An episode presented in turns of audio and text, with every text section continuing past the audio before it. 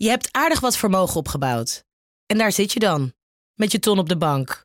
Wel een beetje saai, hè? Wil jij, als belegger, onderdeel zijn van het verleden of van de toekomst? Bridgefund is een slimme fintech die een brug slaat tussen de financiële behoeften van ondernemers en van beleggers. Dus wie belegt bij Bridgefund krijgt niet alleen een mooie vaste rente, maar brengt ook ondernemers in beweging. Echt waar! Met die ton kan je zoveel betere dingen doen. Bridgefund. Make money smile. Vanaf de redactie van NRC het verhaal van vandaag. Mijn naam is Thomas Ruip.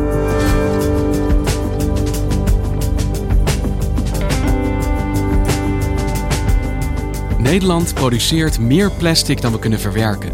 Veel meer.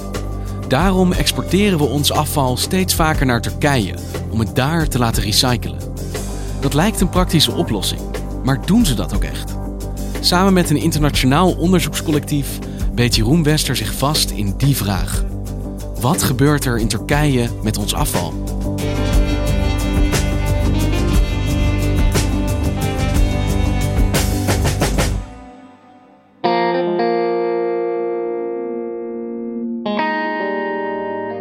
Adana is een uh, stad in het zuiden van Turkije.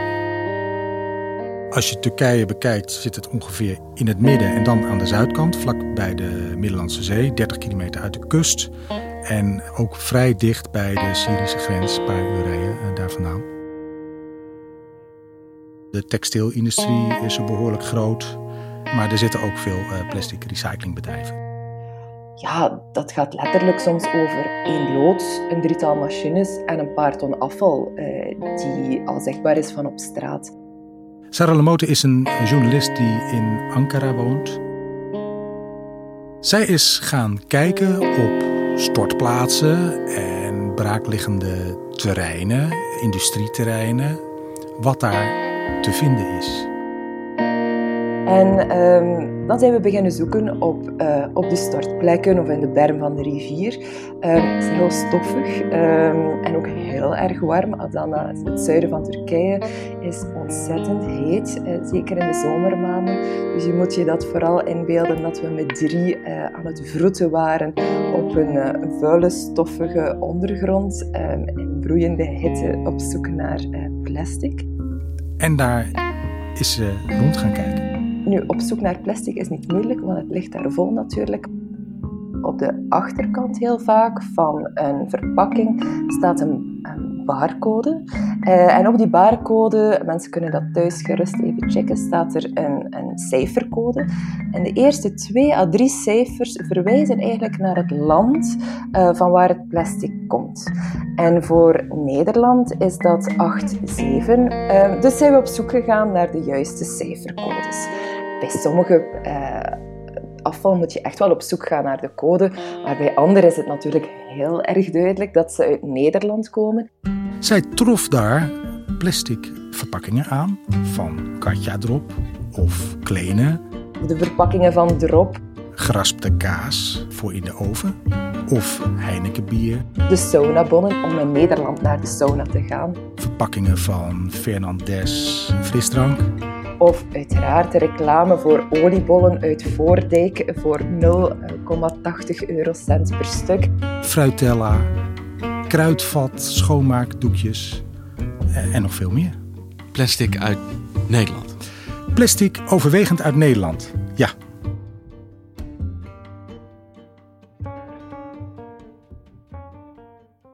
Hoe komt plastic uit Nederland terecht op een vuilstortplaats bij de grens van Syrië in de buurt? Nou, dat was exact onze centrale onderzoeksvraag. Van hoe kunnen we dit begrijpen? Je voelt aan je water van dit is toch niet de bedoeling. Uh, wat ook wel vrij snel duidelijk was, omdat we het op verschillende plaatsen vonden in Adana, is dit was niet de toevallige toerist, die uh, toevallige Nederlandse toerist die wat uh, snoepafval uit zijn raam heeft gegooid. Dat hij de vakantieauto hier uh? Nee, want daar zit, dan, zit daar dan ook de Nationale Saunabond tussen. En zit daar, daar, heeft, doet hij dat dan ook op vijf verschillende plekken. Ehm, dus nee, dit moest een andere bron hebben. Dus wij gingen duiken in de internationale plastic afvalstromen. Van hoe gaat het in Nederland met plastic? Welke routes legt het af dat het op die manier kennelijk eh, in het zuiden van Turkije, vlakbij de grens van Syrië, terecht kan komen op een vuilstortplaats?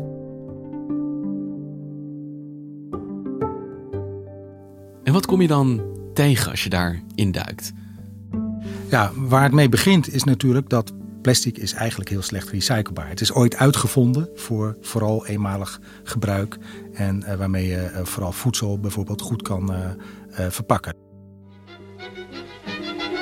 Met plastic kan men vaak verrassende resultaten bereiken. Bijzonder groot is zoals bekend het aantal huishoudelijke voorwerpen dat van plastic gemaakt wordt.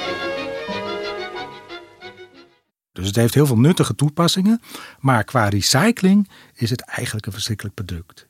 De kracht is het probleem. Het gaat nooit ja. kapot, maar daardoor Ja. kom je er ook niet vanaf. Ja, en we hebben niet voldoende recyclecapaciteit, noemen ze dat dan, in Nederland. Om al dat recyclebare plastic, tussen aanhalingstekens, te verwerken. We produceren te veel afval om dat zelf nog te kunnen verwerken. Ja, zeker. En daarom wordt er ook heel veel geëxporteerd. En niet alleen naar buurlanden, maar ook echt ver buiten Europa. Uh, en aanvankelijk ging er heel veel plastic naar China. Dat was het land waar zij ons plastic recycleden. China was de afvalcontainer van de wereld. Daar ging echt jarenlang het meeste plastic uh, naartoe. Totdat daar echt sinds medio 2017 het klimaat echt omsloeg. China is zelf een welvarende economie geworden. Heeft zelf veel afvalproblemen. En die heeft gewoon op een gegeven moment die grenzen gesloten voor buitenlands afval. Er kwam een importverbod op 24 afvalsoorten, waaronder autobanden, textiel, kunststof en glas. Plotseling ging de belangrijkste plek waar Westers Plastic naartoe ging, dat loket ging dicht. Ze zijn het zat om het afvalputje van de wereld te zijn. Dus zoekt het weer uh, zijn route naar andere landen. En uh, een van die landen die echt gigantisch snel is opgekomen, is Turkije. Turkije als een nieuwe container van de wereld. De afgelopen drie jaar is het plastic afval van de Europese Unie naar Turkije is vertwaalvoudigd. En over hoeveel hebben we het dan? Honderden miljoenen kilo's plastic komt daar het land binnen. En wat gebeurt er vervolgens met dat plastic als het eenmaal in Turkije geland is? Ja, dat wilden wij ook weten. Van hoe loopt het daar? Hoe wordt het verwerkt? Wat gebeurt er nou uh, precies mee?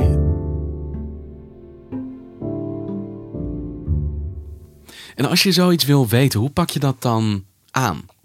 NRC heeft samen met Lighthouse uh, Reports, hebben we samen met een club van een man of zes, zeven, zijn we daar helemaal ingedoken. Nouska Dussard, die uh, coördineerde dat voor Lighthouse Reports. Wat Lighthouse Reports heeft gedaan is een team journalisten uit Nederland, België, Frankrijk samengeraapt die allemaal konden bijdragen aan onze onderzoeksmethode. We hebben heel veel mensen lokaal gesproken. Uh, we hebben ook OSINT-technieken gebruikt. Dat is, uh, OSINT, dan moet ik even denken aan spionage. Ja, maar het staat voor Open Source Intelligence. Dus wat Bellingcat ook heel veel doet. Je gebruikt Google Earth en allerlei openbare bronnen om te kijken lokaal wat voor informatie er is te vinden. We hebben dus bijvoorbeeld ook heel veel stortplaatsen chronologisch bekeken. Dat kan je via Google Earth kijken hoe stortplaatsen zich ontwikkelen. He, die worden dan steeds groter, zie je op uh, satellietbeelden. Het ziet er een beetje rommelig en wazig uit.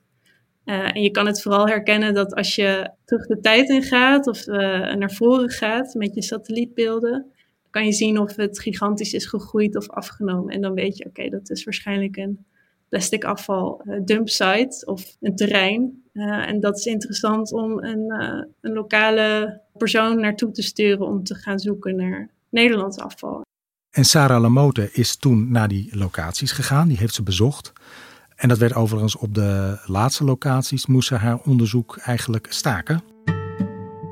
Ja, um, dus effectief, we hebben ook een incident gehad op de laatste locatie. Want wat gebeurde daar? Zij was daar op een terrein aan het zoeken. Denk dat we net um, de advertentie voor de Voordijk verse oliebollen hadden gevonden toen een boze eigenaar van een Turks recyclebedrijfje op ons kwam uh, afgestormd. hoewel we ons op de openbare weg bevonden, vond hij duidelijk niet fijn dat we in het afval zaten te vroeten. En dat is een understatement. De man was razend en stak ook een verhaal af van journalisten en onderzoekers die hen het leven uh, zuur maakten met hun artikels. Al heel snel heeft hij zijn collega's opgetrommeld.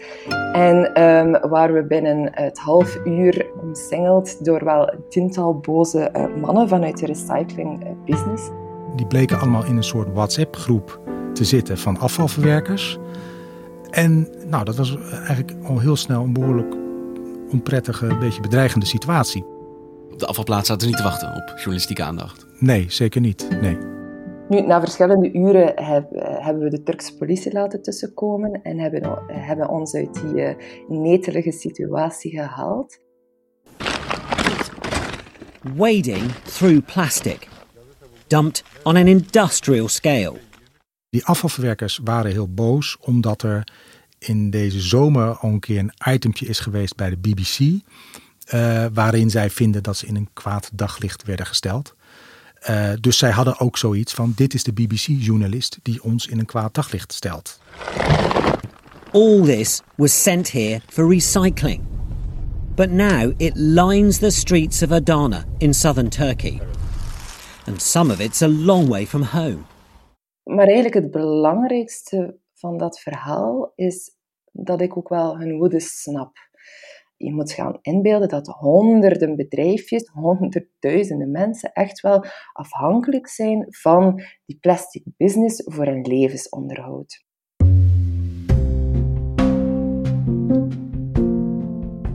Dus welke conclusie trekken jullie op basis van ja, jullie onderzoek? Nou, dat er dus vanuit Nederland plastic wordt gestuurd naar Turkije om gerecycled te worden, wat ter plekke niet gerecycled wordt. En hoe komt dat? Wat gaat er mis in Turkije? Het vertrekpunt is eigenlijk al: er mag alleen maar geëxporteerd worden naar Turkije als het recyclebaar is.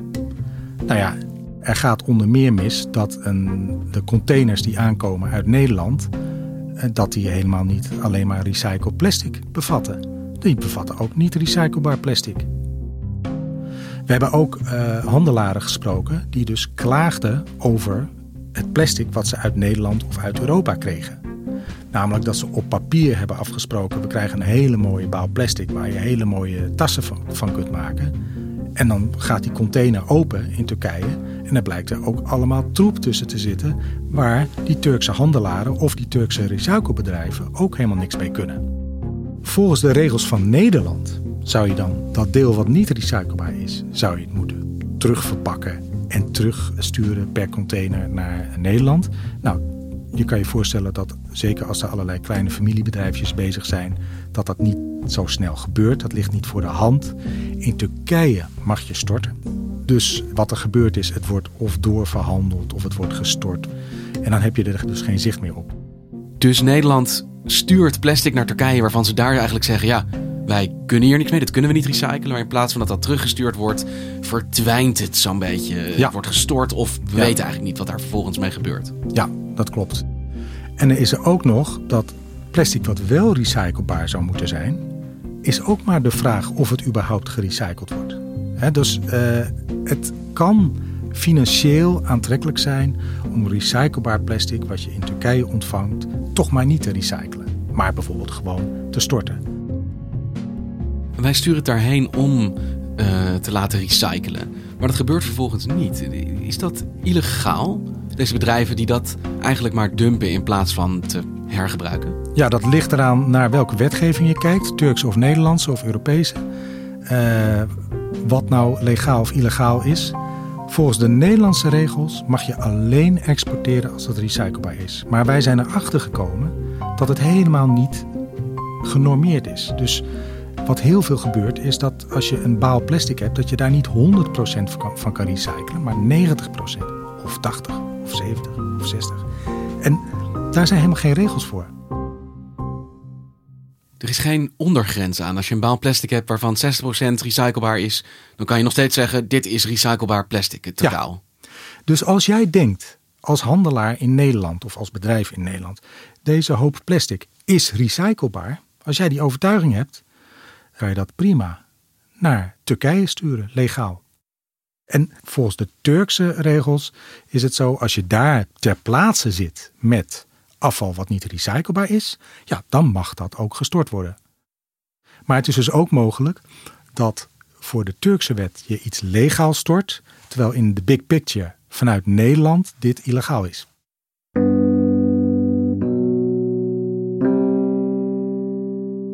Wiens verantwoordelijkheid is dat dan?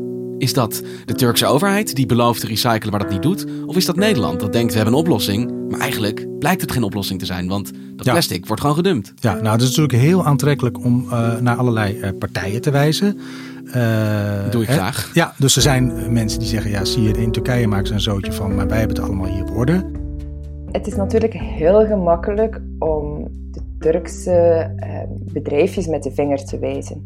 Ehm, je zou heel gemakkelijk kunnen zeggen van ja, ze, ze moeten dan toch maar gewoon geen plastic afval gaan dumpen in de rivieren die uitmonden in de Middellandse Zee. Ja, zo simpel is het natuurlijk niet.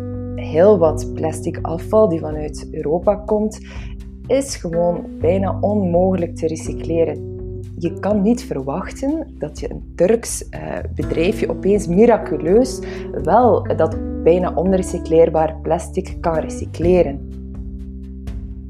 En hoe wordt er in Turkije gekeken naar wat er daar gebeurt op die stortplaats, waar al dat Europese plastic binnenkomt, wat vervolgens ja, goed deels ook niet verwerkt wordt?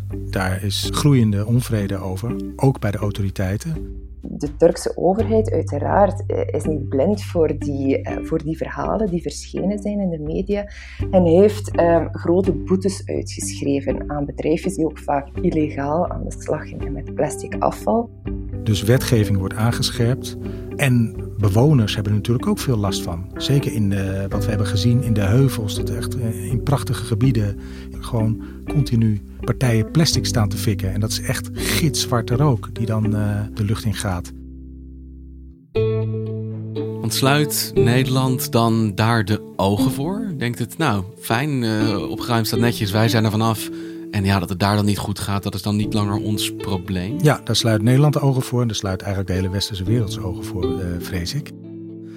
Uh, tegelijkertijd uh, weet iedereen hier in de afvalsector dat dit speelt. Dus dat is een beetje de, de vermoorde onschuld spelen. Waar afvalverwerkers ook deels terecht wel weer veel naar wijzen, is natuurlijk naar de daadwerkelijke producenten van plastic. Dat er te weinig inspanningen zijn om plastic te maken wat makkelijk recyclebaar is. of om minder plastic te maken. Hè, dat is eigenlijk doeltreffender dan weer een nieuwe regel introduceren om te voorkomen dat het naar Turkije gaat. Ja, ik kan me voorstellen dat op een gegeven moment een punt komt dat we echt gewoon geen plek hebben meer waar we dat plastic heen kunnen brengen. Laat staan uh, om ook daadwerkelijk te laten recyclen. Nou ja, dan wordt het weer zichtbaar. Hè? Vroeger was afval in Nederland zichtbaar via de vuilnisbelten. En uh, nu lijkt het wel of het als sneeuw voor de zon verdwijnt. Um, omdat wij eigenlijk de vuilnisbelt nagenoeg hebben afgeschaft. En we dus heel veel, veel meer dan vroeger, exporteren. Onze vuilnisbelten zijn die van Turkije geworden. Nou, uh, eerder andersom. De Turkse vuilnisbelten zijn die van ons geworden. Dankjewel, Jeroen. Graag gedaan.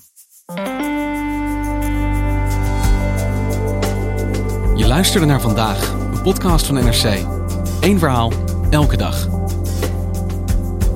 Deze aflevering werd gemaakt door Misha Melita en Astrid Cornelissen onderzoek van Jeroen Wester is mede mogelijk gemaakt door financiering van het Fonds Bijzondere Journalistieke Projecten. Dit was vandaag. Morgen weer.